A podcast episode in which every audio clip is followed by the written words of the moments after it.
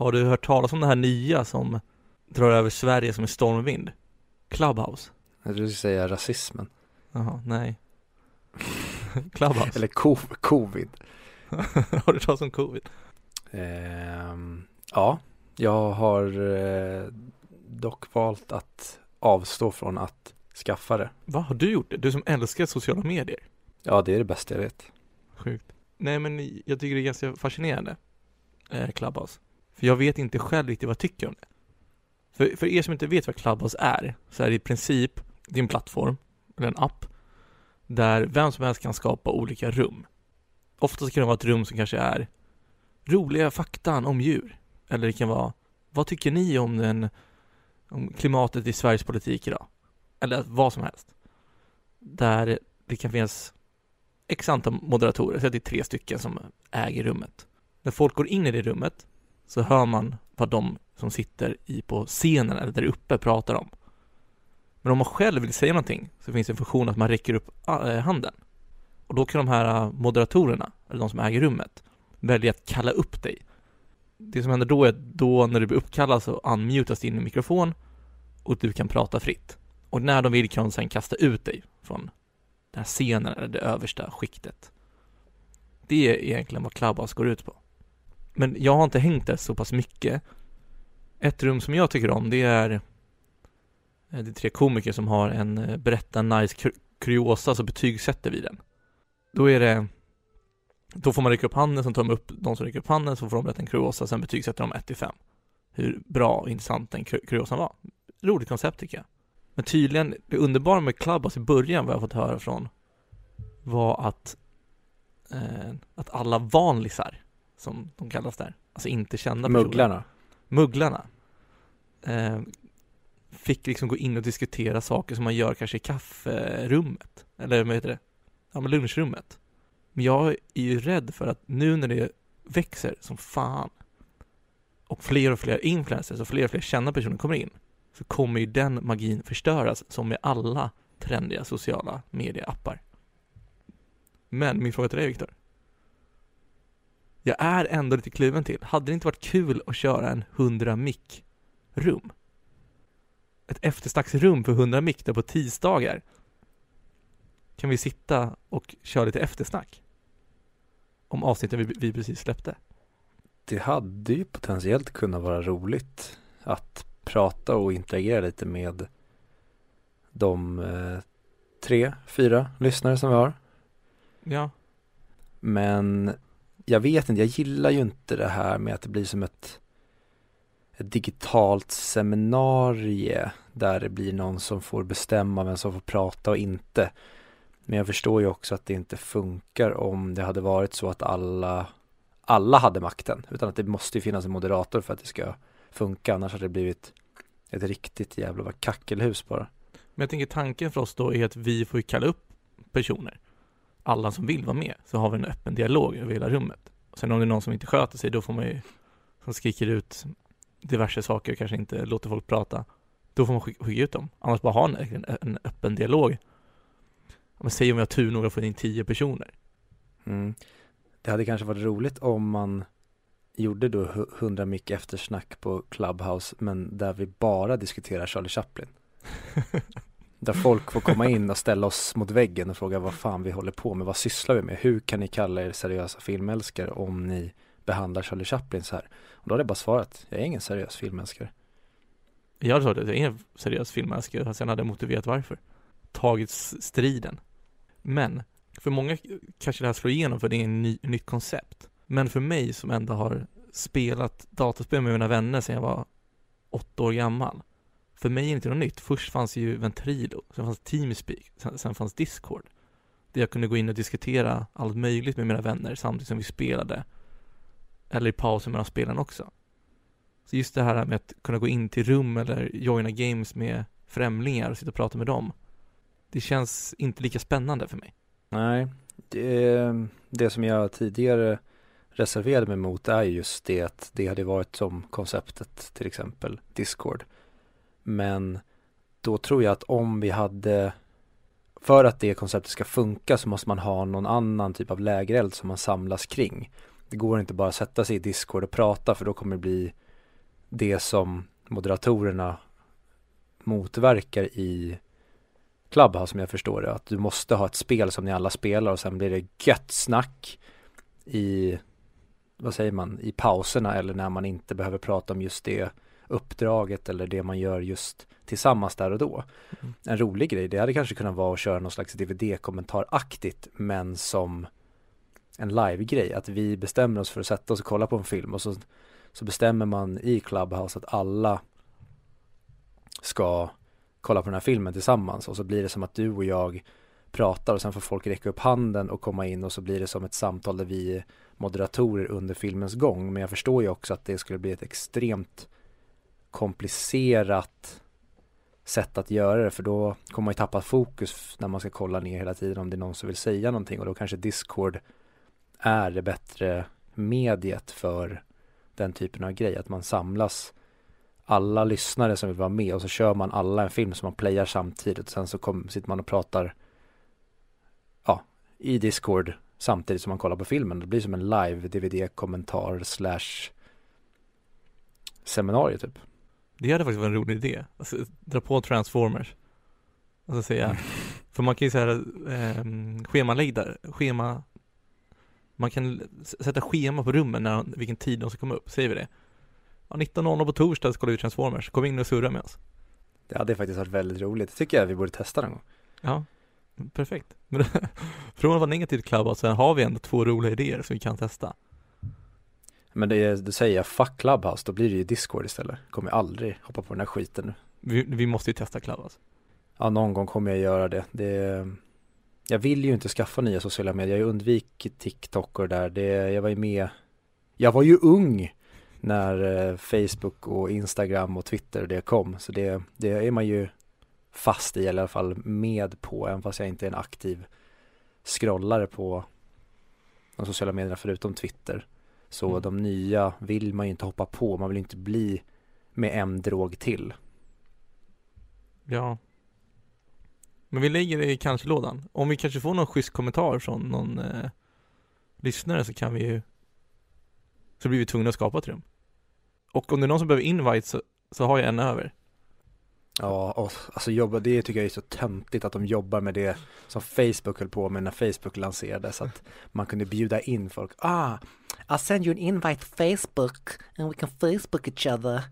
Ja, det är skittöntigt. på med den där skiten. Men ja, det... fan, låt bara folk bli medlemmar. Men det är sjukt effektivt. Absolut, absolut. Men jag hatar, cyniken i mig blir förbannad. Det är väl samma sak som, det var väl någon klubb i Stockholm, om det var Spy Room eller något sånt där ställe. Som, alltså deras mål var att alltid ha kö.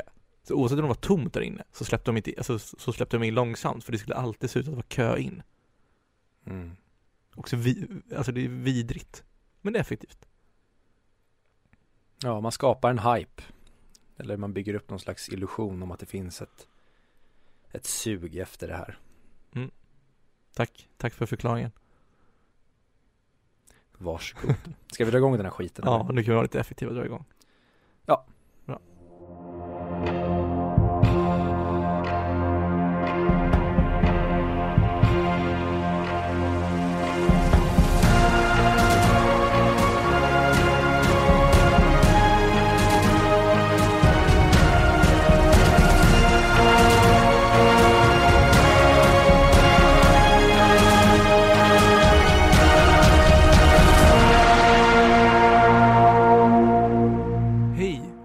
Välkomna till 100 Mix Podcast. Det vill säga podcasten som pratar upp ENDBs topp 100-lista, men inte Charlie Chaplin. Aldrig någonsin, never Charlie Chaplin. Nu har vi kommit till placering 36, som då blir 67 avsnittet. Jag vill säga 65. Som då blir 65 avsnittet. Eh, och filmen då är The Pianist inte The Penis, The Pianist från 2002 gjord av Roman Polanski. Men innan vi kommer till den, mitt namn är Fredrik, med mig har jag min kollega Viktor. Och dessutom så har vi så vanligt ett samarbete med Sveriges största online-magasin för filmer, Moviesin. In där, läs vad intressant, dela deras artiklar. Gärna den om oss, hade varit perfekt. Hur har ditt filmtittande varit den här veckan, Viktor? Jag gillar att du försöker bara på något sätt göra någon så här, hur mår du? Men du försöker snegla in eller inte direkt fråga hur jag mår, så du bakar in det i, en, i filmtittandet. Hur har ditt filmtittande varit? Nej, men jag gillar det. Eh, jo, men det har varit bra. Jag har för första gången i vuxen ålder tror jag sett om Lilla Jönssonligan och Cornflakeskuppen. Och den har jag väldigt svaga minnen av, men väldigt bra minnen av. Mm. Eh, samma här. Jag eh, kan typ citera den utan till för jag såg den väldigt, väldigt mycket som barn. Och jag var väldigt orolig för hur den skulle ha åldrats, för jag minns den som en väldigt, väldigt kompetent utförd svensk film och att den gör väldigt mycket roligt med blinkningar mot vuxna Jönssonligan. Att de har gjort dem väldigt roliga som lite lilla djungelboken-grejen med att de, de är lite som de vuxna karaktärerna men de är fröna av dem. Och sen så har du hela Frans Jäger och Wallenberg och nu så bor de i Wallentun och så som mm. Jag var lite rädd för att se om den Men jag måste säga att den har Jag vet inte om den har åldrats bra men jag måste säga att det är en väldigt, väldigt kompetent och bra svensk film Ja, det känns som det Men som sagt, det är svårt För vad man tycker som barn är helt annorlunda än vad man tycker idag den håller alltså fortfarande, mm. tycker du? Absolut, och jag tycker verkligen att det som gör jag, Vissa tycker att skådespel, barnskådespelarna inte håller. Jag tycker att de funkar kanonbra. De vet hur de ska använda dem, att de inte är världens bästa skådisar, men att de på något sätt eh, jag vet inte hur man ska uttrycka det, men de vet hur de ska använda barnen samtidigt som de bakar in barnens skådespelarbegränsningar i filmens styrka som är melodin och tempot. För det är det absolut bästa med hela lilla Jönssonligan och Cornflakescupen det är att den från start till mål känns som att allting görs som en låt. Det är inte så att karaktärerna bara läser och säger replikerna som jag tycker är en väldigt stor sjukdom i svensk film där man märker att den här personen han säger inte det här, han har övat in repliker.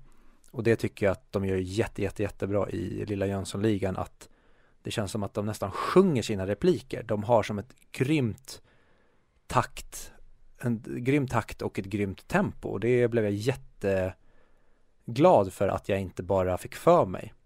Eh, att det verkligen var som nu. Och jag kan ju fortfarande vara biased för att jag, som jag sa, jag är uppvuxen med den här och är ja, men kan i princip citera den utan till och då blir det nästan som att jag vet vad jag ska sjunga härnäst. Men jag tycker, om jag försöker ställa mig utanför mig själv och titta på den som någon med fräscha ögon så tycker jag att den håller väldigt, väldigt bra som svensk film.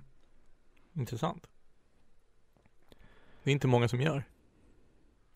Nej, tyvärr. Jag eh, har ju en eh, flickvän som tycker, tycker väldigt mycket om att titta på svensk så att jag blir påprackad en del svensk film och jag tycker ju att vi i Sverige, det har jag sagt hur många gånger som helst den här podden, det blir tjatigt men fan vad dåliga vi är på väldigt mycket film och tv-serier. Eh, men det är därför jag också har hållit mig till framförallt amerikansk film men även eh, icke-engelsk eller icke-svenskspråkig film. Däremot, eh, jag tror det var nu i helgen, så skulle jag och en tjej som jag träffade kolla på film och ville väldigt gärna se en svensk film och jag känner mer, jag vill inte se någon svensk film. Men till slut kom jag överens om en som jag tror båda har sett innan. Eh, vad fan heter den? En gång i Phuket, är det så den heter? Med Peter Magnusson. Mm. Den är ju, den är ju fan bra ändå. Alltså, mm. alltså det är en klassisk kärlekskomedi. Ja men den, och det, det, nu var det ett par år sedan jag såg den eh, Men det jag vill minnas av den är att den, och det har vi pratat också, också mycket om i den här podden att Så länge en film är öppen med att den vet vad den är för typ av film Så kommer filmer ofta undan med väldigt mycket, i alla fall i mina ögon Att utge den sig inte för att vara någonting annat än vad den är Så kan man förlåta väldigt mycket och det tycker jag, i alla fall mitt minne av den och även den här Andra Peter Magnusson-filmen Sommaren med Göran heter den va? Mm den tycker jag eh, går i samma spår där att den, den vet precis vad den är, att det är en plojig eh, familjekomedi som inte riktigt ska tas på allvar och då blir det mycket roligare när den när den verkligen, det känns som att den vet precis vad den är istället för att den skulle utge sig för att vara den roligaste, bästa, mest revolutionerande romcomen. Då hade man ju bara tyckt att den nog förmodligen hade plurrat rakt ner i den thailändska viken. Ja, exakt. Och jag håller med. Jag tänkte faktiskt prata om det också nu. För jag har även sett klart Snowpiercer på Netflix. Eller så långt som Mm. har kommit ut. Eh, För det är den första serien jag har sett på Netflix som släpper veckovisa avsnitt. Men den är också så himla skön att kolla på tycker jag. För den har kanske så här 6,8 på IMDb, någonstans där. Och då så går jag, då går man verkligen in och tänker att det här film, den här serien ska inte vara en av de bästa serierna. Det här ska bara vara så här hjärndött tittande. Och det är så skönt med det här äh, prestigelösa titt tittandet om en film eller serie. Precis som äh, eh, Phuket-filmen eller Snowpiercer. Det, det, det, det är kravlöst. Du går bara in och sätter dig ner och sen njuter av, av det lilla som finns. Och sen så förlåter du alla brister. För det, det ska ha brister. Ja, den låtsas inte som att den inte har det och det då, då tycker jag verkligen att det funkar. Eh, visst, de har inte gjort några fler i samma stuk va? Det är Sommaren med Göran och En gång i Phuket som är de så här Peter Magnusson romcomsen väl? Jag har jättedålig koll. Jag, jag tycker för att Peter Magnusson är otroligt rolig i alla hans olika saker han har gjort. En, av- en av mina favoriter är när han kör med tusen apor och blir intervjuad och spelar en sån här riktigt grisig gubbe. Om du har sett den? Jag minns den väldigt vagt, men jag, mm, Ja. bara vagt. Han pratar kort om att han har håller på att träffa en 18-årig tjej. Ja, när han typ, han, han spelar sig själv, men om han själv hade varit den här sliskiga hybrisversionen av sig själv, eller hur? Ja, exakt. Ja, ja men den, ja, jag har för mig att den är ganska kul. Ja, den är fruktansvärt rolig.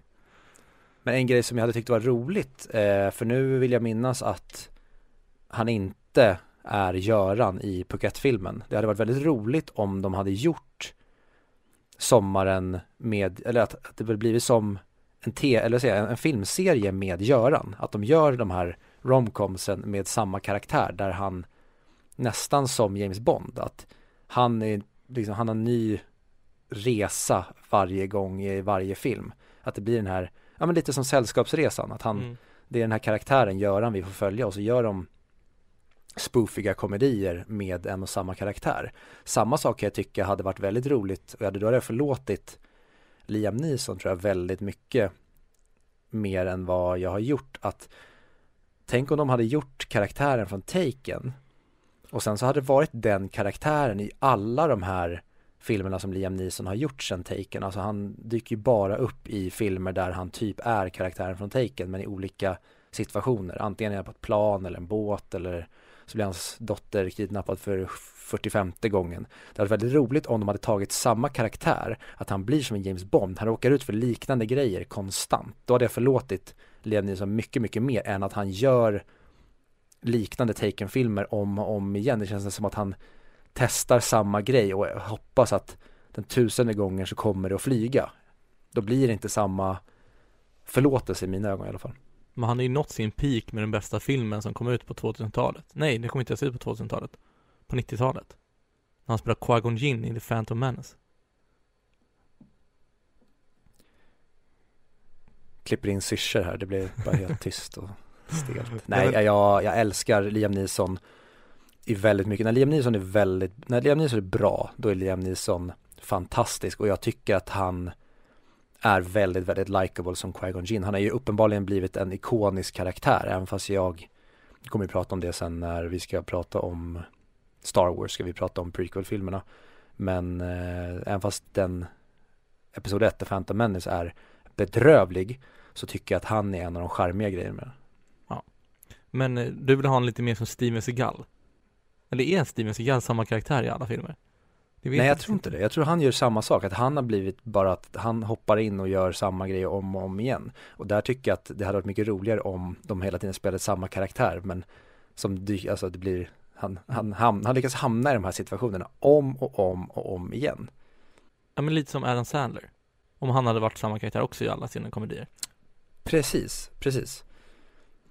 Mm. Mm. Ja, Jag håller med. Nej, och på tal om eh, Adam Sandler, jag såg, jag vet inte om jag har nämnt det i något avsnitt tidigare nyligen, men jag, jag såg hyfsat nyligen när jag satt och jobbade så var I now pronounce you Chuck and Larry heter den väl. Ja. Eh, och jag tror jag också uttryckt det tidigare i podden att jag har väldigt svårt för Adam Sandler för att jag tycker att han är den här skrikiga, gapiga personen som oftast inte är så rolig.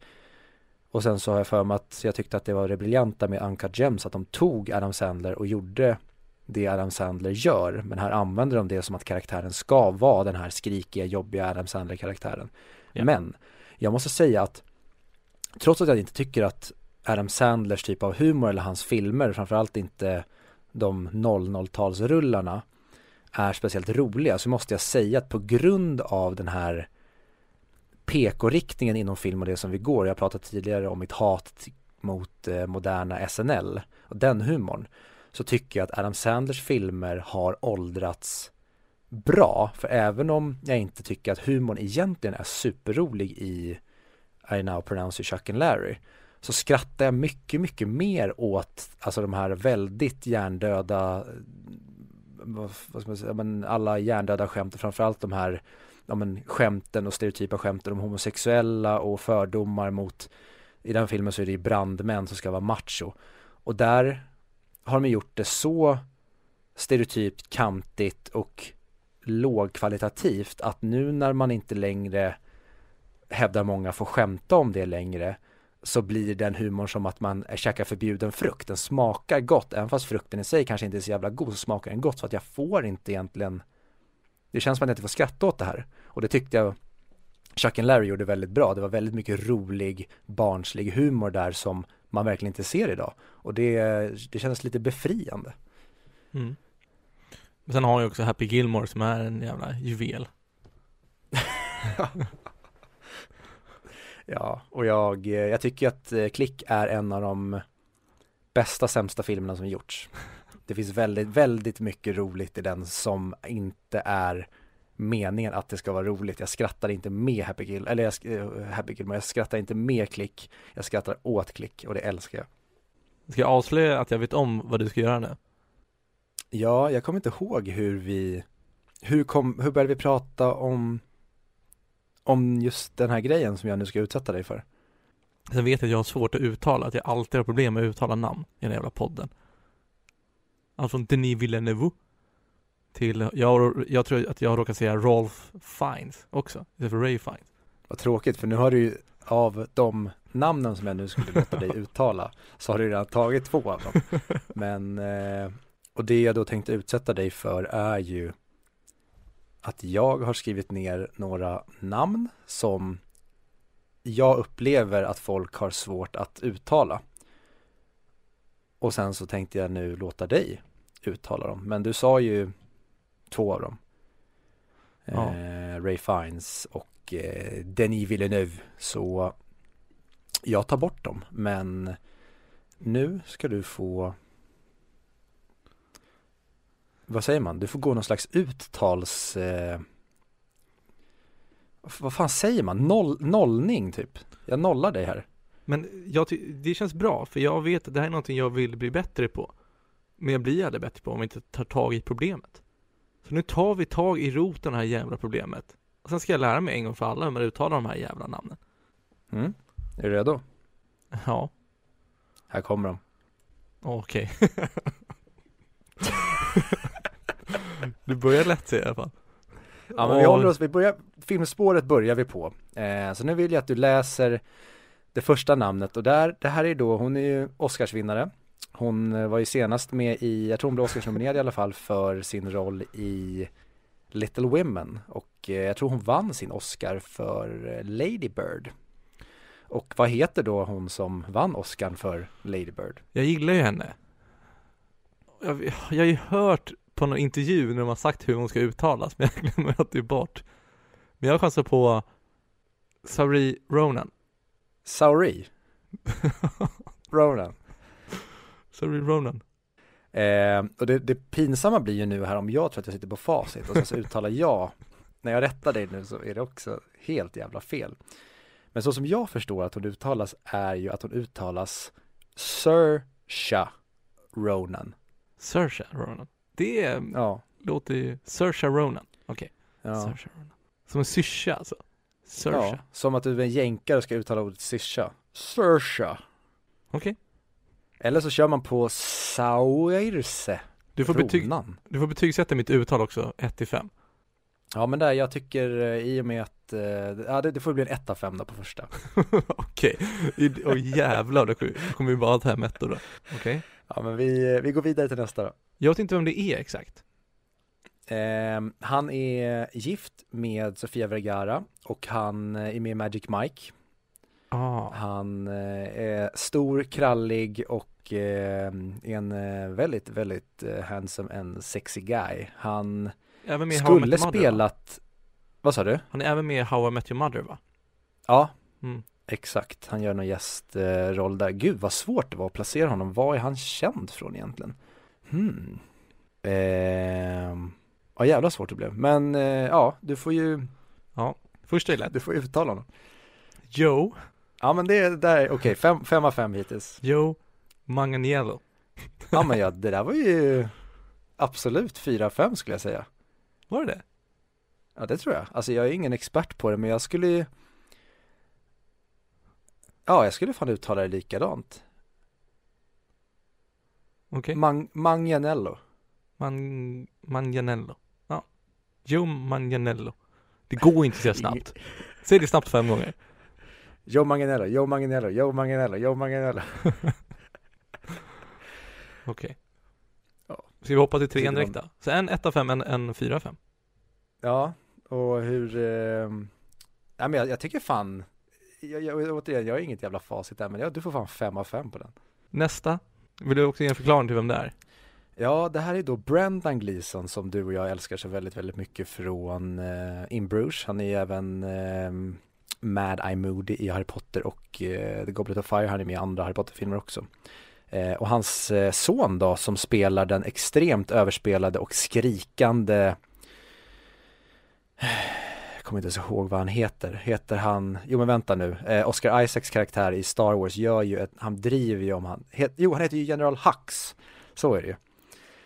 Oh, fy fan, på tal om, eh, nu drar jag upp. Last Jedi, när eh, Oscar Isaac driver med General Hux i komradion i början av den. Åh, Ett av fem scen. jävla ont.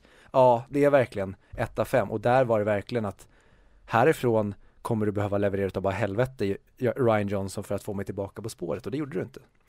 Nej. Men det är i alla fall, det är ju Donald Gleason som spelar honom. Ja, jag tror där att hans namn eh, uttalas som alltså Donald fast utan ett D på slutet. Att det bara är Donald. Donald Gleason. Ja, ah, okej. Så det är inte Donald? Gleason. Ja.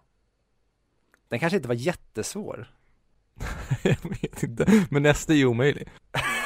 alltså. Vem fan är det? Ja, och nästa, det är ju, han, han, han är ju mest känd från eh, 12 years a slave. ah, okej. Då vet jag om det Han spelar ju The Slave där. Sen tycker jag det är lite kul med honom för att jag typ kommer inte på någonting annat som han är med i. Är han med i Marvel? Är han med i Doctor Strange? Jag vill typ säga det. Jag vet inte. Nej, jag har säkert helt fel. Jag kan ju min Marvel extremt bedrövligt dåligt så jag eh, tar inte gift på det. Alltså bara för att han är svart, eh, alltså alla svarta ser inte likadana ut. Eller Nej, det är onödigt att du ska attackera dem på det sättet. jaha. Ja, eh, är, är det han som spelar alla i Black Panther? Det var det du frågade off, off camera. Ja, innan vi drog igång. Du, eh, det är som, jag tror att alla filmer eh, med mörkade person, personer är som alla Eddie Murphy-filmer där han spelar alla roller och bara är sminkad. Eh, Okej. Men det här är ju Shitwettel Ejiofor.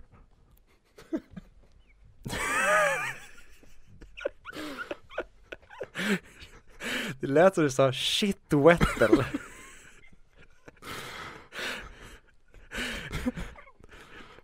Ja men det är det ju. Har du sett den här 12 years of slave med Shitwettel Ejiofor? Om man drar det lite längre då skulle det nästan vara så, ja men har du sett eh, 12 years a slave med han shit towel, Ejiofor? Vad heter han då? Han heter ju nästa, det är, han är, som återigen här, jag är inte, det är någon jävla, åh varför sitter jag och reserverar mig själv? Jo, jag kan fan alla uttal i världen, jag är fan bäst på att uttala, nu är det så här, jag är uttalsnazi, punkt slut. Och enligt mig så uttalas han Chewitel Eofor. Chevitel Eofor. Okej. Okay. Chevitel. Sen skulle säkert någon, eftersom namnet förmodligen har någon afrikanskt, kommer från afrikanskt ursprung, så skulle det säkert vara typ eh, eh, Chewitel Ejiofor. Det var inte franskt tycker jag. Det var ju Driss i Intouchables rösten. Återigen, här kommer min, jag är, min rasistiska sida kommer fram här. Jag tror att alla fransmän pratar som Driss, bara för att det är den senaste filmen jag såg med en svart person. Eh, men det var bra ändå imitation av Driss tycker jag. Tack, tack. Jag har eh, arbetat på den extremt lite, så jag är nöjd. Alltså, eh, men kör igen då nu, ja. vad hette han? Oj, ska jag säga igen? Chevetel mm. Ejiofor.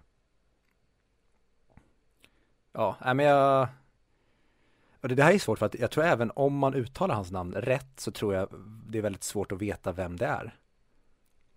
Ja, så känner jag mig inte.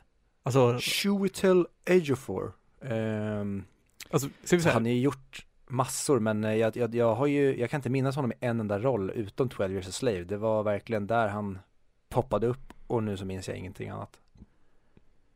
Ja, nästa kan jag ju faktiskt. Mm. Charlies Theorem. Ja, men den var det 5 av 5. Bra jobbat, snyggt. Och för er som inte vet vem Charlies Theron är, är ju komiskt. Hon, eh, man, det är det också eh, för alla er rasister och fördomsfulla människor där ute. Hon ser ut så typ var från Tyskland och var en riktig ubernazi, men hon är ju faktiskt från Sydafrika. Mm. Och eh, vad, vilken roll förknippar man henne mest med? Alltså, det är många, men eh, senaste är hon väl, hon är ju väldigt bra i Mad Max. Just det, hon är ju, eh, vad heter hon, in, Imperator, Imper, Imperator Furiosa, vad, vad heter det? Jag kommer inte ihåg vad hennes titel är, men Furiosa heter hon ju. Eh, hon är okej, okay, eller filmen suger ju, och hennes karaktär också. Men är ju från Prometheus. Oh shit, hon är ju riktigt bedrövlig där. Alltså jag tycker inte hon är bedrövlig skådespelarmässigt, det är bara att hennes karaktär är ju patetisk. Eh, vad, alltså, och en av de största cringe-scenerna någonsin är ju när hon gör någon slags Star Wars-försök där när de ska avslöja att, eh, vad heter han, Wayland är hennes pappa. När hon säger Yes, father. Ja, men också när hon springer, alltså när hon blir jagad av skeppet som rullar över, hon vägrar springa åt sidan. Och spring, fortsätter springa skugga. Ja. Åh, oh, shit alltså. Mm. Men se, hon är... Ja, fy fan. Vad mer med? Snow White and the Huntsman. Ja, jag gillar ju Young Adult väldigt mycket. Mm. Där är hon jäkligt bra. Men hon är med så mycket, men hon har få så här uh, pangroller känns det som. Ja, och det är väl kanske en styrka måste man ändå säga, för det är väl det värsta som finns för skådespelare, det är väl att bli fast som en karaktär och bli typecastad. Hon har ju inte, det är väl Furiosa som man tänker på mest, men det är bra att hon inte är fast i någon typisk roll. Men om man får ge henne en cred så vann ju ändå en Oscar för sin roll i Monster. Ja, och då ser man inte ens att det är hon typ. Nej, okej. Okay. Ingen bra film, men väldigt bra insats för henne.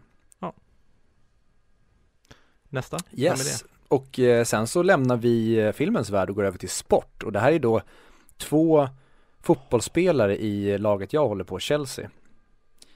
Och den första är då Chelseas eh, numera andra målvakt som heter vad då? Jo, men det är ju han eh, Kepa Arrizabalaga. Oh, jävlar vad du nailar den där. Fem av fem. ja. Och sen så avslutar vi då med Chelseas eh, lagkapten och eh, högerback är han. Som också, eh, Arrizabalaga Kepa, han är ju från eh, Basken. Han, eh, Chelsea plockade in honom från eh, Atletico Bilbao. Ah, okay. Och eh, sen så har vi då, ja, du ska få uttala hans namn, men den andra spelaren tror jag, hans namn också härstammar från samma region i Spanien där de har väldigt icke-spanska namn och jag, jag går igång väldigt mycket på den typen av eh, namn och för er som är helt ointresserade av fotboll men som kanske vill ha lite kul kuriosa så är det roligt med klubben Athletic Bilbao att de har, de värvar bara spelare eller det är bara spelare som spelar i deras lag som har en koppling till Basken. Alltså den regionen i Spanien. Sen så har de verkligen som att de ruckar lite på det, det är väldigt luddigt. Men jag tycker det är jävligt balt när du gör så med ett fotbollslag som spelar på den absoluta toppnivån i Europa. Att du bara håller dig inom den här regionen där klubben finns. Kör lite local. Man kan också kalla det för nationalism eller nazism om man nu vill kalla det för det. Men eh, ja, så nu, eh, nu kan ni vakna igen för nu släpper vi. Nu ska du bara uttala den här personens eh, namn och sen så går vi vidare. Mm, tack. Men det här är ju Cesar Aspiliceta. Aspiliceta. Ja, ah, det blir nog en två av fem. Han heter ju Cesar eller Cesar Aspilicueta. Ja, ah, CK. Det kanske är. Okay. Men eh, han, eh, det var ju väldigt svårt för hans lagkamrater att uttala hans namn när han kom till Chelsea och eh, England så att eh, de kallar bara honom för Dave av någon anledning. Varför inte bara Cesar? Det är inte så svårt. Nej jag vet, det är ju skitballt förnamn men eh, jag vet tyvärr inte. Det får stå för dem. Det får de försvara. Men eh, någon som inte riktigt behöver försvara eller stå till svars för någonting. Det tycker jag kanske är då, ska se om jag kanske kan ge mig på någon slags eh, uttal här utan att eh, våldföra mig på hans namn. Men vi ska då prata om Vladislav Oh shit, nu försvann hans efternamn. Spielman. Vladislav Spielmans eh, överlevnad helt enkelt när vi ska prata om eh, muntra, muntra fiktiva berättelser om saker som aldrig har skett när vi ska prata om The Penis.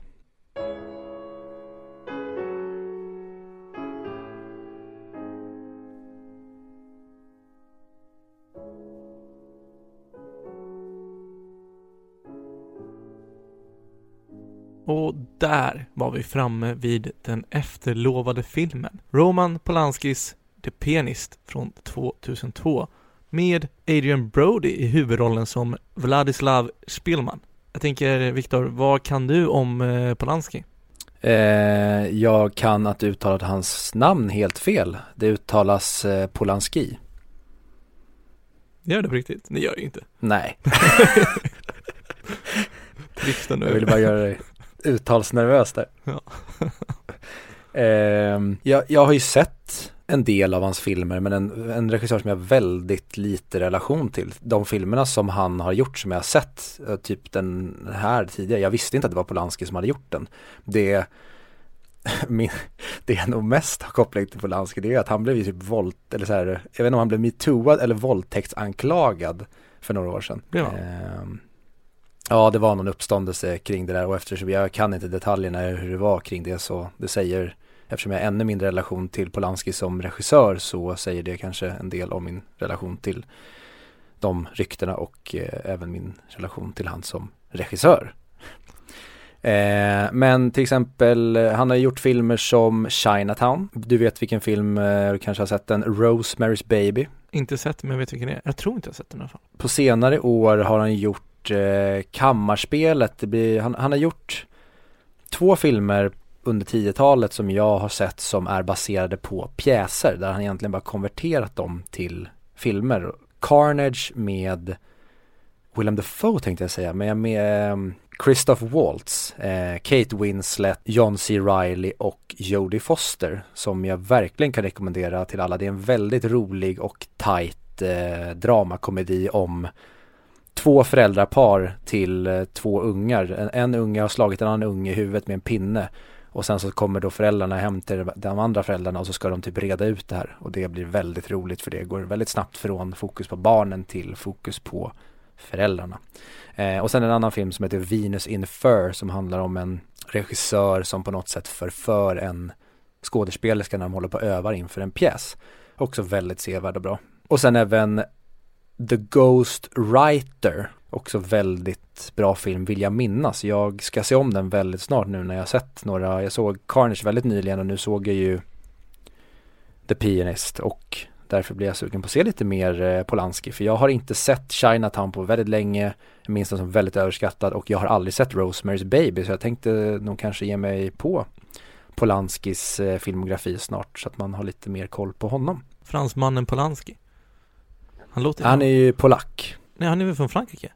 Han är född i Frankrike i alla fall. Okej, nu knäpper du mig på fingrarna. Det, det enda jag vet är att han är ju eh, förintelseöverlevare. Att han överlevde och flydde från den nazis när han eh, bodde och växte upp i Krakow. Ja, han är Polish French. Jag antar att han är född i Frankrike men uppväxt i Polen. Och Steven Spielberg kom till Roman Polanski när Steven Spielberg skulle göra Schindler's list och frågade om han ville regissera den här för att han visste just att Polanski var en förintelseöverlevare. Och Polanski tackade faktiskt nej. Han, jag vet inte om det var på grund av att han kände att det var för mäktigt eller om det bara var så att det var inte den berättelsen eller den tidpunkten som han på något sätt ville berätta. Men sen så när han då fick nys om då Vladislav Spielmans eh, självbiografiska bok där han då skildrar hela den här berättelsen om vad han då fick överleva under förintelsen i Warszawa så kände han att det här är berättelsen jag har väntat på för att själv få utlopp och berätta hur det var för mig när jag överlevde och, och flydde från eh, förintelsen. Eh, men så även att det här är en, enligt honom, han tyckte att det var en väldigt, väldigt, väldigt bra eh, berättelse och den är ju snudd på otrolig måste man ju ändå säga. Det känns som att det, det, är nästan för bra för att vara sant. Det känns väldigt, väldigt hollywoodskt. Sen vet man inte mycket Vladislav Spielman har höftat, men jag antar när man är med om en sån här grej att man inte tar allt för stora friheter, man vill berätta sin story om hur det faktiskt var. Jag tror snarare att han, hoppar, att han hoppar över saker, så att saker sker mycket snabbare, i högre mm. tempo i filmen, snarare än att han tar bort dem i det här. Ja, för filmen är ju, eller manuset är baserat på boken The Pianist som är skriven av Spielman. Sen så har även Polanski tagit grejer som han var med om under den här perioden i Krakow och så att vissa delar är inte från Spielmans liv utan de är från Polanskis liv som han sen då filmatiserade. Och han sa det att de har ju fått, vad säger man, vrida upp vissa saker eh, lite grann för att det går inte bara att adaptera en bok rakt över till ett filmmanus. Det är, det är två helt olika medier. Eh, men han sa det att han bara, jag vill berätta den här storyn så likt och så platt inom citationstecken och så verklighetstroget som det bara går. Han ville förändra så lite som det bara går. Men han sa det på grund av att det är bok från bok till film så måste man göra det. Ja, jag tycker det är coolt för tydligen när han eh, scoutade efter något ställen i Krakow att filma så träffade han en, en man som hade hjälpt hans familj att överleva kriget. Eller de som överlevde, för hans mamma blev sänd till Auschwitz tror jag, där hon blev mördad. Ja, hans pappa överlevde, han skickades till, tror jag, ett Österrikes läger där han sen överlevde. Så det är inte en lätt film att se? Nej, det tycker jag är eh, en underdrift så det bara sjunger om det. Det sjuka idag, jag tänker om vi ska vara lite seriösa, för sen kommer man, sen är det svårt att hålla seriositeten när man kommer till Nazityskland för att försöka dränka sorgerna med humor. Mm. Men det är ju så sjukt att det fortfarande finns idag. Dels så finns det fortfarande folkmord i länder. Fast inte den här exceptionella strukturen som tyskarna hade för att bli av med folkslag. Men också så finns det fortfarande personer som hejar och står bakom det som sker i den här filmen. Ja, det är någonting vi kan se nu i och med att antisemitismen eh, nu börjar sprida sig i västvärlden igen. Till exempel i, är väldigt, väldigt tyst om att det just nu pågår liknande det som skedde i framförallt Polen men det som hände judarna under andra världskriget det sker något liknande i Kina just nu där man sätter oliktänkande eller människor med en viss vissa typer av, eh, vad säger man, vissa folkslag inom den kinesiska befolkningen. De sätter man i koncentrationsläger i så här correction camps. Men det är så här, jag förstår inte hur man kan sakna den sorts empatin för andra människor. Att man kan gå så fullt ut och börja tycka att de inte ens är människor, de är råttor, de är kackerlackor. Jag förstår verkligen inte det. De såg ju inte ens dem som någonting som de ogillade, de såg, någon, de såg dem som ohyra, de såg inte ens på dem som att de var människor, det var smuts, det var bara, de äcklades, det var någon slags, om de var, men säger du att nazisterna, de, de var för extrem renlighet så var judarna i deras ögon var som ohyra. Alltså de kunde inte ens sympatisera med dem för att de såg inte ens på dem som någonting annat än att de var, det var liksom smuts och det skulle bara liksom exterminatas. De, de skulle bara rensas bort för det, det, var, det var så de såg på det. Och det är, det blir tycker jag, det blir ännu mörkare när de går så långt att det blir nästan som att de utrotar ohyra mer än att de, de hade någon slags avundsjuka. Ja, för de ser, det kanske är ett hot i grunden, men de ser dem inte som ett hot. Det är som säger, de, de ser dem som ohyra. Det är därför de, de, kan motivera sig själva att, att avrätta dem utan att bry sig, att eh, få dem att dansa bara för att underhålla sig själva eller supa sig ner sig och piska dem. Mm. Som är alltså helt fasanfulla. Det går inte att beskriva med ord hur hemska situationer det är. Nej. Men eh, de ty tyska soldaterna, de hade inga problem med det. Nej, och en grej som jag såg, jag såg en intervju med Polanski där han pratar om det här och det, det finns några små, små stoff av det i den här filmen just att, för han säger det att man, man får, inte, man, man, får inte glömma att 100% av alla som hjälpte nazisterna var alltså 100% onda. Utan det fanns väldigt många som egentligen bara de, de försökte överleva precis som Spielman gör den här. Nu överlever han på det sättet att han bara vill fly undan och hålla sig borta. Men som man tar han, jag tror han heter Itzak, eh, han familjevännen som är någon slags judisk polis. Han gör ju bara där för att han gör ju bara där för att överleva och det är därför också som många säger så ja ah, men hur kunde du som eh, tysk eh, soldat, hur kunde du stå och eh, utföra de här eh, ordrarna som kom från Hitler och Goebbels?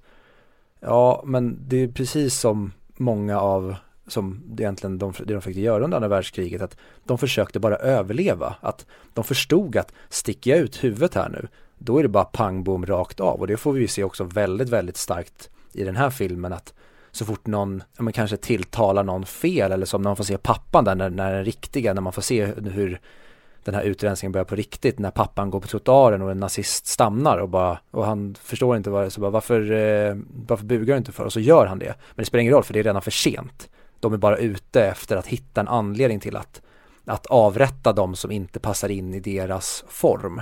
Och därför kan jag ha mycket mer förståelse för människor som egentligen, som de här judepoliserna som egentligen bara utförde nazisternas ordrar att det, det fanns väldigt mycket mer gråskalor i den här konflikten och i den här tragedin än vad många vill utmåla det som. De menar bara att ja, men all, alla, alla nazister var eh, Darth Vader och alla andra var rebellerna. Men vi ser ju, och det pratar också Polanski om, just att det finns dåliga judar i den här filmen och det finns bra nazister och där tycker jag de gör svinbra. Vi kommer prata om det sen i slutet när vi kommer till eh, mm. nazisten som hjälper Spielman för det är ju en riktig nazist som han sen då även på riktigt försökte leta upp efter och få skonad men han lyckades inte. Det var ju på grund av honom som han överlevde. Det var det tyskarna, det är det som också gör det så otroligt läskigt hur effektiva tyskarna var på att hjärntvätta och sätta in system så det inte gick att vinna mot dem. Att de hade just det här skvallersystemet. De, alltså belöna de som skvallrar på varandra och bestraffa de som inte säger någonting. Det, det var det som gjorde att det fungerade. Annars hade det ju, annars hade det inte fungerat på samma sätt för då hade inte folk Folk hade gått emot dem. Samma sak när deras rebellstyrkor försöker göra attacker. Och sen kommer tillbaka dagen efter med dubbel armé och en pansarvagn. Och visar sig gör inte så här, för ni kommer förlora i längden på det. Men sen märker man ju att det, det, går ju inte att hålla ett land, för det kommer uppstå rebellgrupper, det kommer kosta. Det var ju så också romarriket störtade, alltså det, jag vet inte, det är så jävla komplicerat.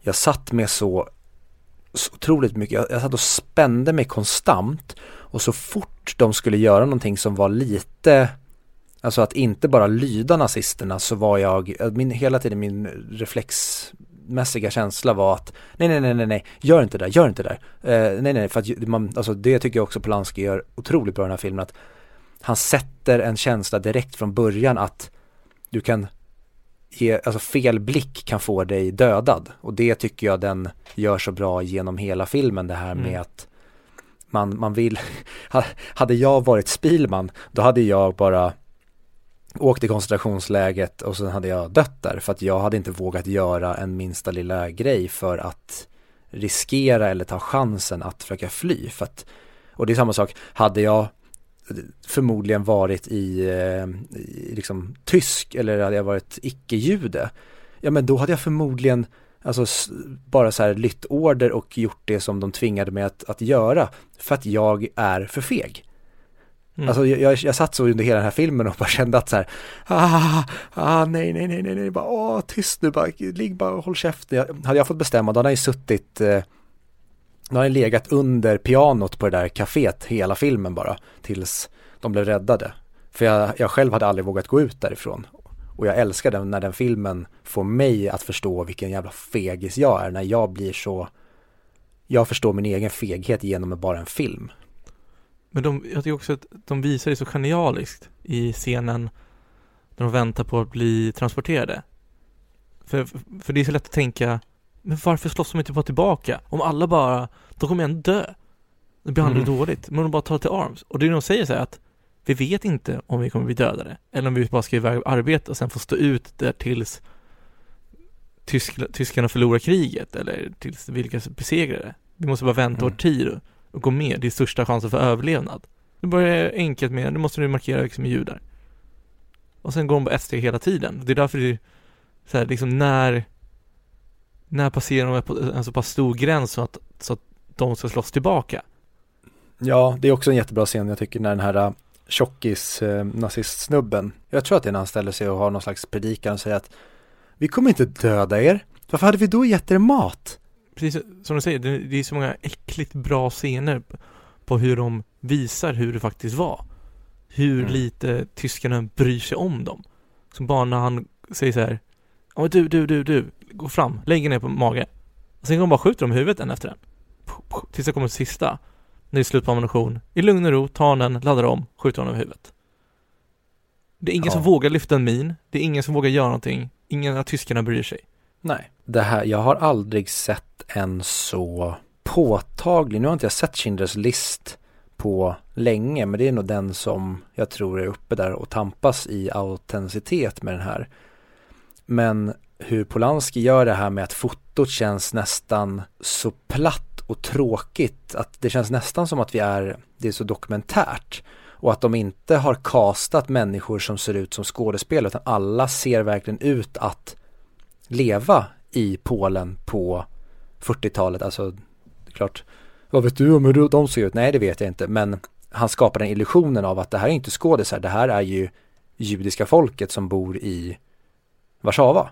Och det tycker jag är filmens absolut största styrka, den här autenticiteten och äktheten och att han får allting att kännas och göras så otroligt omt. Det är högljutt och han har lagt mycket krut på ljudläggningen med att varje liten grej låter väldigt högt och ska kännas. Explosioner, man hör hur, hur saker verkligen går sönder på riktigt och att man, man är orolig för att han kanske, ja men nu kanske han bara fick en, en, en grej i huvudet som när han börjar blöda och hon säger att ja, du blöder från, från huvudet. Allting känns så otroligt, den är skitig som fan. Det finns noll Hollywoodism i den här filmen och det tycker jag är filmens absolut starkaste grej, hur den på det sättet framkallar de här känslorna som jag får av den här filmen.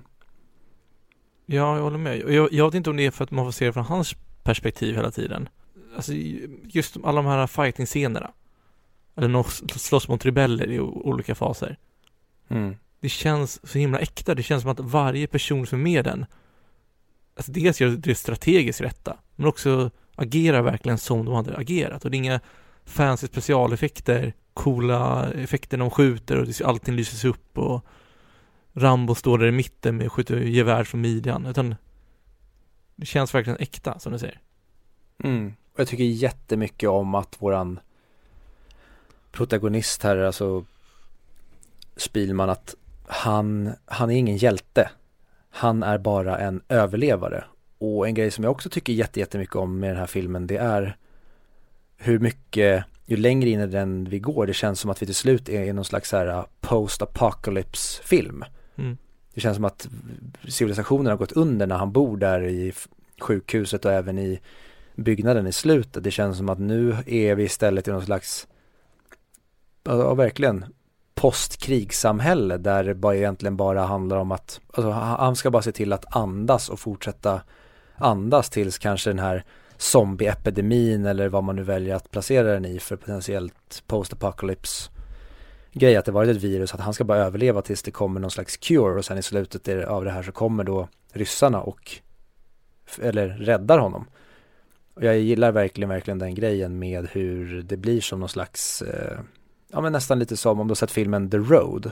Och där är en pappa och en son som bara går och ska överleva. Jag får verkligen den känslan ju längre den här filmen går och jag, jag tycker jättemycket om det jag pratade om tidigare att kolla på en film med, uh, och en tv-serie också, att om man kollar, man kollar på början sen när man har sett klart den, vilken otrolig resa Spielman gör, hur han ser ut och vilken energi och även hur, hur fotot ser ut, för det var ett taktiskt drag från jag vet inte vad fotografen heter, men att just de skulle ha mycket mer färg i bilden och sen ju mer filmen går, ju mer färglös skulle det bli. Och det ser man ju också när de får gå, komma över till andra sidan och jobba där en dag.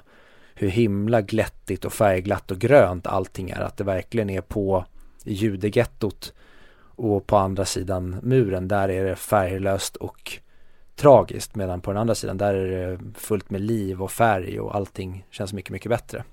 Det, det tänkte jag inte på, men det är också en sån här subtil Kanske lite, för man, det kändes som man visste vilken sida man var på.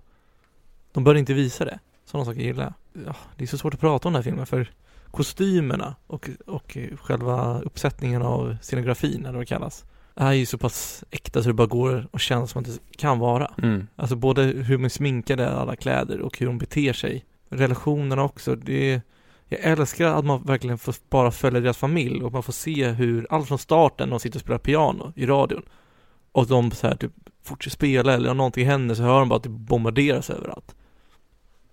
Till att, man får, till att man får se att de följer nyheterna på nya lagar som sätts in. Och hur de ska bete sig. Det känns så, och det är därför den här, alltså när man verkligen sitter och tittar på hur, hur jävla mörkt och det, det, går liksom inte att säga tillräckligt många gånger hur inhuman nazismen är och var och framförallt där och då i, ja men i hjärtat där de flesta judarna Eh, utrotades. Jag har, jag har säkert något fel med siffrorna, men att det var 6 miljoner judar som dog under andra världskriget och att jag tror det var typ 3,4 miljoner av dem bodde i eh, Polen. Att det var så otroligt många, det var det liksom där var the eye of the storm och hur surrealistiskt det blir när de, som du säger, de sitter och lyssnar på radion om de här grejerna med att ja, från och med då så måste alla bära en, en vit armbindel med en blå davidsstjärna och från det där datumet då ska alla judar flytta till det där området. Det, det är nästan som man tänker, nej äh, men det här, det här är ju för överdrivet, så här kan det inte vara. Och sen när de går på den här marschen när han träffar Dorota sista gången innan de går igenom. Att de, så är liksom en jävla judemarsch in i gettot. Bara, ja, sorry, du råkar tillhöra den här, det här folkslaget och det är bara knata in i gettot och, och bo där. Det, det känns, det blir nästan som att även fast den här filmen är så otroligt down to earth och dokumentär i sin känsla så den, den blir nästan sci-fi i vad den berättar för att man tror knappt på det som sker. Och jag jag tycker ju väldigt mycket om att skämta om mörka grejer och jag tycker att humor om Hitler är ju bland det roligaste jag vet. Eh, men när jag ser den här så blir jag nästan att jag får dåligt samvete för att det gör så jävla ont att titta på den. Att, ah, fan. Man kanske inte ska skämta om den här grejen även fast det är mitt sätt att hantera mörka grejer. Att istället för att man faller ner och gråter så tycker jag att för att hantera, som du nämnde tidigare, att hantera mörkret så måste man kunna skratta åt det för annars kommer mörkret att konsumera en och lite så jag känner kring det här men här var första gången på länge som jag kände att det här ämnet och den här porträtteringen av Polanski där det är nästan som att det blir som en stor fet jävla filt som bara lägger sig över mig och det bara ah, ta bort det här, försvinn Och scenen där med när han hjälper, ska dra över pojken under muren. Ja, det är ju värsta scenen. Ja, det är nog, och där, alltså, jag bara satt där helt tårögd. Och det var så, jag bara kände så här, nej men vänta nu, vänta, vänta, vi är bara en halvtimme in i filmen. Nu räcker det, nu, nu, nu lägger vi ner det här. Det, det här är liksom nog. Och sen så bara, det bara fortsätter och fortsätter och fortsätter och det blir bara värre och värre. Det som ändå ger en liten, en liten så här verklighetsförankring i det tycker jag. Till de här del, alltså delarna av det, till, till exempel de frågar Ja men vem, vem kommer ge oss de här armbanden? Ska vi göra dem själva eller inte? Att det verkligen blir här Nej, att de faktiskt tänker ut sådana här små saker som i filmer som inte är verklighetsförankrade, eller vad man ska kalla det. De gör inte det. De säger, ja men du ska skaffa sådana här, ja men bra. Och så blir det så här, du vet, funny movie scene som vi pratade om så här, ja men tänk dig när de ska skaffa de här. Hur, hur skaffar man en sånt där armbanden? Hur gjorde de? Och just att de lägger in sådana saker får ju ändå till att så här, jo men så här såg det ut. De här personerna som faktiskt tänker på verkliga problemen och logistiken bakom allting. Men, men jag känner också att det här är en film som, på tal om att den var otroligt jobbig första timmen, men sen dog det av lite. De hade ju kunnat visa mycket mer hemska scener i andra halvan av filmen än, än vad de gör. Vilket jag nog hade nog inte klarat av att se klart filmen i så fall. För bara tanken med att de har en fullproppad vagn som ska åka iväg till arbetslägarna, som jag vet inte hur länge den åker. Så du ska alltså stå i totalt mörker utan några saker in, inlåst vagn.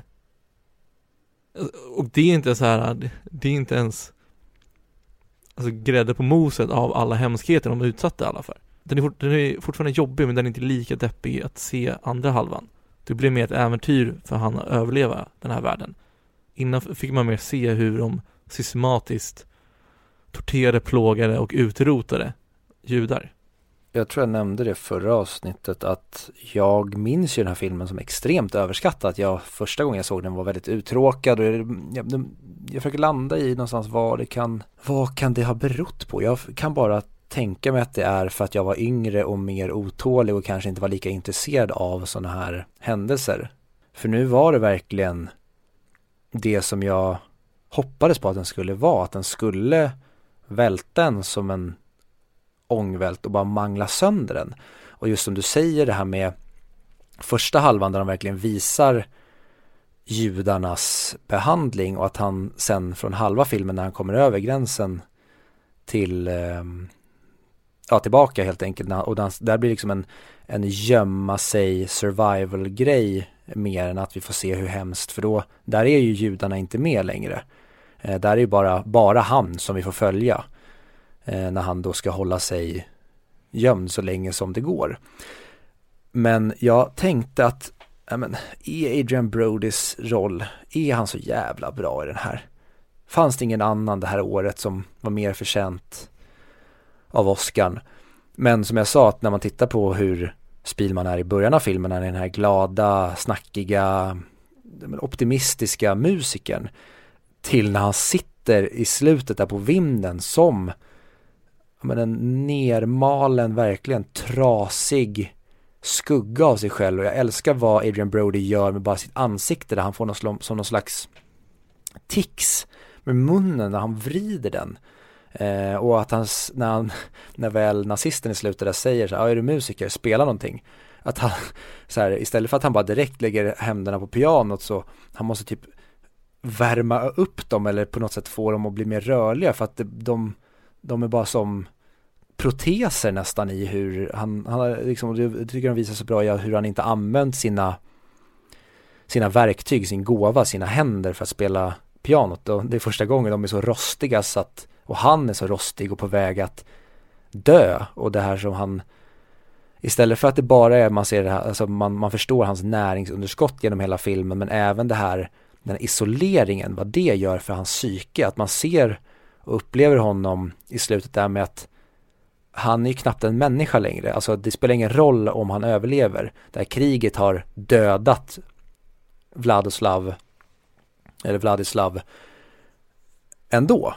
Och sen så är det så fint sen när man får se när han väl kommer ur kriget på slutet att, ja vad skönt, han kunde bli sig själv igen och sen så kollade jag på lite intervjuer med eh, Vladislav, den riktiga. och tydligen så han levde ju ett långt, han blev 88 år gammal, han dog ju när den här filmen var i eh, förproduktionsstadiet. Och han fick ett långt liv, han träffade en fru som han älskade, han fick barn.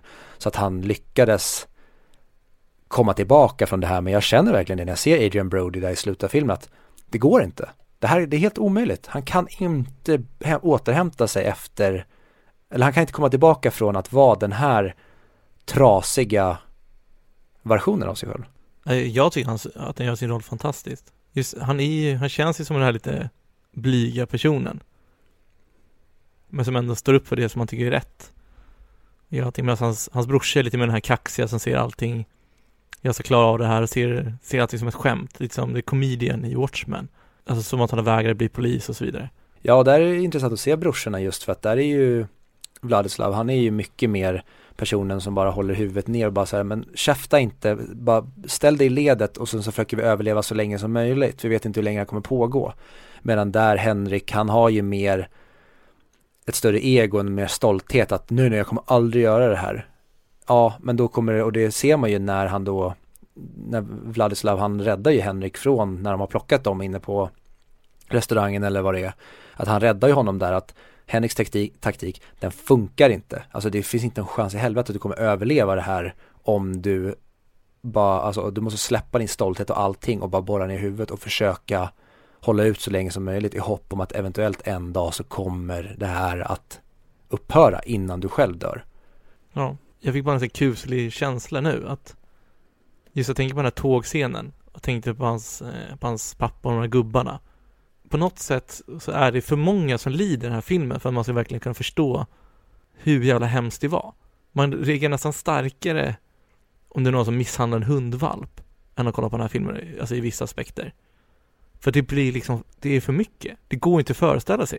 Ja, det är en, eh, en stor fet jävla dos av bara massiv massivt mörker. Det är som du säger, det blir nästan för mycket. Till slut så hade man delat upp många av de här grejerna, att man bara får se en av de här personerna lida istället för alla samtidigt så hade det kanske blivit ännu kraftfullare. För till slut blir det nästan som att halvvägs in i filmen, de är nästan avtrubbad.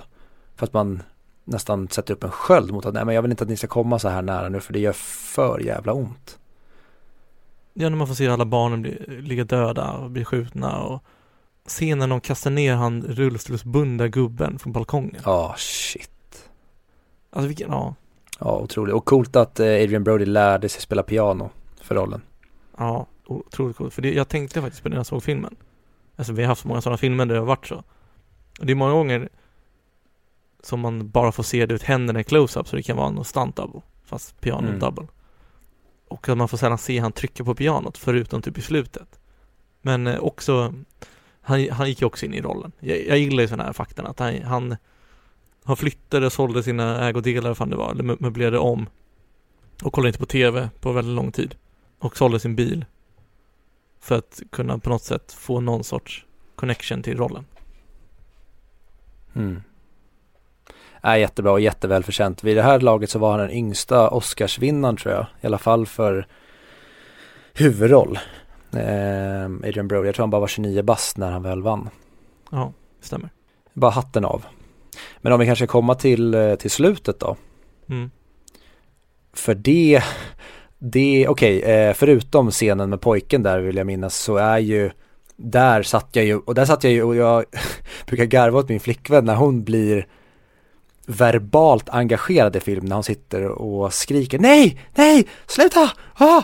Men där satt jag själv så när han har på sig, och jag tänkte just det när nazisten. Ger honom hans rock. Jag bara, det här kommer säkert göra att han blir förväxlad och så kommer han bli mördad. Och sen när han väl, när polska bilen kommer där med polska nationalsången och flaggorna och han springer ut, så bara rocken, rocken, ta av dig rocken! Och sen så blir det just det att de börjar skjuta på honom och jag bara nej, nej, nej, nej, ni kan inte avsluta, nej, han får inte dö så här och så blir det så skönt när han till slut, när de säger att jag är, jag är polsk, så bara, varför har du rocken på dig då? I was cold. Och sen så fade to black och sen så är det efter när han är tillbaka och spelar piano. Men det är också så här, det är så jävla in character att han inte säger någonting innan för han är bara panikslagen. Hans ja. insikt är bara fly. Ja. Annars, annars skulle han sagt, men jag är polsk, skjut inte, jag ger mig. Mm. man kan inte säga någonting förrän typ man kommer på några sekunder senare när han är ish skyddad. Då Ja. kommer man på att prata om det. Ja, det är jätte, jätte, jättebra. Men eh, jag, jag tycker också att eh, hela slutet där med när man får se att det fanns bra personer inom nazisterna också. När det är också så väldigt fint att den här personen som är med i ondskans armé ändå är den som ser till att han till slut överlever och jag gillar verkligen när han kommer och ger honom mat och det att han ska hålla sig gömd även när de flyttar in i, i byggnaden och sen så när, jag tycker det är ett väldigt fint avslut de får när han ska lämna och han ger honom rocken Mm. ehm, och bara att han ber, frågar om hans namn och att de, de, får en väldigt, det blir en, en kort tid tillsammans de två men de, jag tycker de får någonting fint på den korta tiden och så, så blir det lite, man tycker så synd om honom ändå när han sitter där och han säger det att, är du musiker? Ja.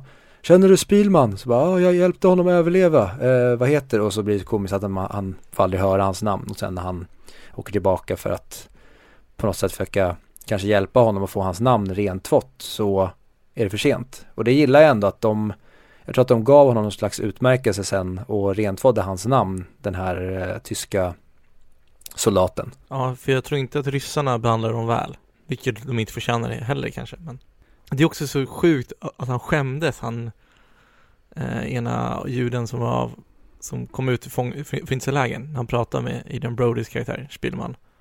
Att han skämdes för att han hade ropat sådana här saker till tyskarna. Hur jävla ödmjuk får man vara? De satt, alltså ja. Det är Mm. sjukt. Men ehm, till, min, eh, min farmor är är ju från Tyskland. Hon var ju liten under andra världskriget och bodde i Tyskland då. Ehm, nu är det dålig uppkoppling här. Jag måste nog gå. Alltså det var ju väldigt fattigt i Tyskland under andra världskriget också. Det var Mm. väldigt många. Jag vet inte jättemycket, den där jag för mig, där har jag inte fakta, fact-checked, men jag var lite mycket höra att hennes far, alltså min farfars far, jobb, alltså jobbade med att bygga flygplan åt tyska armén. Sen så, han var inte nazist tror jag, men som det var på Tyskland då så började alla hjälpa till. Det är precis, precis som i Band of Brothers, en av de bästa serierna som någonsin har gjorts. Så är det en scen när det- de har fångat några tyskar, så går de förbi där. Så ropar de typ saker som att säga, ja era jävla krauts, eller vad kallar dem. Och så, så är det en som svarar på perfekt amerikansk engelska. Så bara, men vart är du ifrån då? Ja, jag är från Bronx. Ja, fan skämtar du? Jag är från Queens. Och sen börjar de så prata. Och då Mm. var en av tyska soldaterna var ju en som, de var amerikanska, eller tyskar som bodde i, i USA. Han är ju, han är till och med uppväxt i USA. Men så svarade han sen, ja men när, när Hitler kallade så svarade vår familj, för alla tyskar skulle komma tillbaka till Tyskland och slåss för dem. Så han var inte nazist. Eller liknande. Men det var, han var bara en person som slogs för sitt land. För det var liksom ett, ett, hans kall han var tvungen att göra. Precis, för att återgå till det du berättade om att alla tyska soldater var inte nazister som hatade judar. Jag kommer inte ihåg om de flydde innan kriget var slut eller efter kriget var slut. Så flydde de till Sverige. Berätta bristerna. Ja, jag eh, landar ju ändå inte i att det här är en 10 av 10 film. Konstigt nog. Jag tycker att den har, och det är också så här, den här filmen är ju egentligen, den är inte en stor klump med fett. Men en, alltså filmens styrka är ju också att den har väldigt mycket fett, att den egentligen bara porträtterar massa olika händelser med att det är en supertydlig och rak story fram. Men stundtal så blir den lite för långsam för min smak, att det blir nästan lite repetitivt när han gömmer sig, att den tappar väldigt, även fast det här inte är en film med högt tempo så tappar den för mycket tempo och blir lite för stillastående i stundtals när han bara gömmer sig. Jag hade inte egentligen ändrat så mycket med den här filmen, men den når inte hela vägen fram för mig. Så jag tycker ändå på grund av tempot där att den, den, den blir lite för långsam och kanske borde klippt av några bitar Eh, och kortat ner den ett tag. Den kanske hade mått bättre i mina ögon om den kanske hade varit två timmar och en kvart istället för två och en halv timme eller eh, till och med två timmar. Eh, det, men det vet jag inte, det kanske jag hade blivit missnöjd med det också. Men just nu så känner jag att det här är 9 av 10. Så den når inte hela vägen fram för att bli en perfekt film samtidigt som jag tycker att den här är, den är helt fantastisk. Men ja, 9 av 10 och jag tycker ändå den här hemma på topp 100. Men jag kanske skulle sätta den mellan 50 och 70, jättesvårt. Oj, du har blivit restriktiv i dina poäng. Du gav ju liksom Dangal 10 av 10, så det är den här 9 av 10. Nej men okej, den största kritiken jag har till filmen det är att jag satt ju hela filmen och väntade på att när kommer Hitler? Har du saknat honom? Jag trodde ju han skulle möta Hitler på torget och slåss mano i mano, alltså en fistfight. Och det kom ju Oh, aldrig. Och då blir det... Slutfighten mellan Adrian Brody karaktär och Hitler Det hade fan gjort filmen en 10 av 10 11 av 10 till och med Om man Ja. fick se en bar överkropp stå och slåss mot varandra Jävlar vad mäktigt. Men om jag tar över Så säger jag, alltså Filmiskt så tycker jag typ den är en 10 av 10 Men jag Det är inte så ofta som jag vill Dra igång den på tv och, och sätta mig och kolla på den. För dels för den är för deppig och det är som du säger, den kan Alltså Det händer ju inte jättemycket från att Han flyr från hans gömda lägenhet Och han blir sjuk och det där. Efter det så är det ganska mycket väntetid. Precis, och det är också tanken med det. Men som Ja. jag sa också att det tyvärr, det går lite för långsamt för mig och jag blir lite ointresserad där. Ja, jag hade ju sett den här en gång innan, det var i skolan tror jag Och jag tycker ju typ att den här filmen ska vara obligatorisk i svensk undervisning att titta på Inte historielektionen då? Vad för lektion säger jag? Svenska. Nej, nej, i svenska skolan, sa inte det? Jaha, det så här svenska lektionen. Jaha, nej, nej, nej, ja men En stark nia eller en tia, jag vet inte vad vi är för betyg Får jag säga så? Du får säga precis vad du vill. Ja Det ligger i no man's land mellan 9 och 10 Mm. Nej, men jag är, jag är lite liknande där. Jag, jag kanske skulle behöva se den igen om några år. Då kanske jag skulle ploppa upp till en tia, men och det är ju det som du säger, som film, rent för så här, vad den, vad den är ute efter att göra och vad den är, om man bara kollar på paketet som film så är den ju perfektion för mig. Men det är ju Mm. bara just det här dramaturgiska med tempot och det som jag stör mig på. Men att bara titta på den, den är så, alltså man, varenda bildruta är ju dokumentär film porr. Mm, verkligen Men eh, jag tycker typ att den ska vara typ 35 mick Det var många typ jag sa i den meningen Men typ 35 mick Jag tycker Mm. att den, är, den förtjänar här uppe För det är ju svårt att hitta en film som är bättre gjord och bättre i sig För det, är fortfarande en väldigt underhållande film Det var inte som att jag tappade intresset av den Nej, det är samma sak. Det är bara att jag kanske tycker att, ja, nej som jag sa, det, det är det att den, ehm, jag, jag, jag började tänka på att den gick lite långsamt och det är väl det som sabbar. När jag blir, när jag tas ur filmen på grund av långsamt tempo. Och det kanske, alltså just den dagen, den titeln, hade jag en annan dag när jag Exakt. kanske känner mig mer lugn, då kanske den blir klockren i sitt tempo, att jag älskar långsamheten ännu mer. I Det don't är know. också, det är också känna så här, ibland så har- känner man så här, okej, nu, men nu har jag Nu har jag två och en halv timme över Då sätter man mig och kollar på den här filmen Och då sitter man ju fortfarande, man är rastlös i kroppen Istället för så här, nu är hela kvällen fri, är ensam Nu ska jag bara sätta mig och njuta av en film Då får man en helt annan känsla i kroppen och då, Jag tror sådana här filmer måste man verkligen ge tid Frisätta tid från sitt schema när man ska titta på den I agree. Eh, men ja, jag tror inte vi nämnde att den, den vann ju tre Oscars. Polanski vann ju för bästa regi. Eh, Adrian Brody vann ju, det nämnde vi. Och sen så vann ju även eh, eh, Ronald Harwood vann ju för bästa manus. Vi kan lägga till att musiken tycker jag är härligt depping i hela, inom hela filmen Jag tycker den är väldigt sparsamt använd. Jag gillar att de använder de här klassiska styckena. Verkligen Nästa veckans film så kanske vi får skratta lite Ja, för då ska det bli jävligt mycket roligare för då ska vi prata om nazister ytterligare en gång när vi ska prata om American History X. Fan, inte heller mycket skratt. Det är så jävla Nej. passande på något sätt att vi så här. Hur kan det fortfarande finnas idag? Och sen kommer vi till American History X. Men för er som vill se den till nästa vecka så råkar ni ha ett sånt här Netflix-konto så kan ni se den där.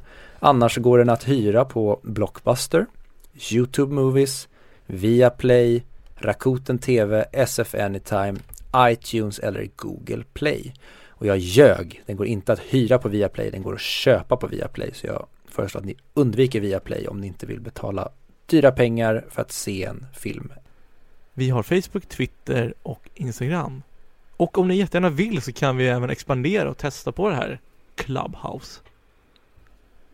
Mm. Eller hur Viktor? Säg om ni tycker att det var en bra idé där med att vi kanske skulle köra någon slags eh, stor kollektiv DVD-kommentar där vi alla försöker titta på en film tillsammans kanske över Clubhouse eller Discord eller någonting. Ja, eller bara ha eftersnack på tisdagar. Efter Ja det kan man också ha, såklart. Så- Om, det om det finns något värde i att ha det om det skulle vara intressant. Men eh, då hörs vi nästa vecka när det är dags för eh, mera nazism när vi ska prata om American History X. Ner med nazism. Jajamän, hej hej!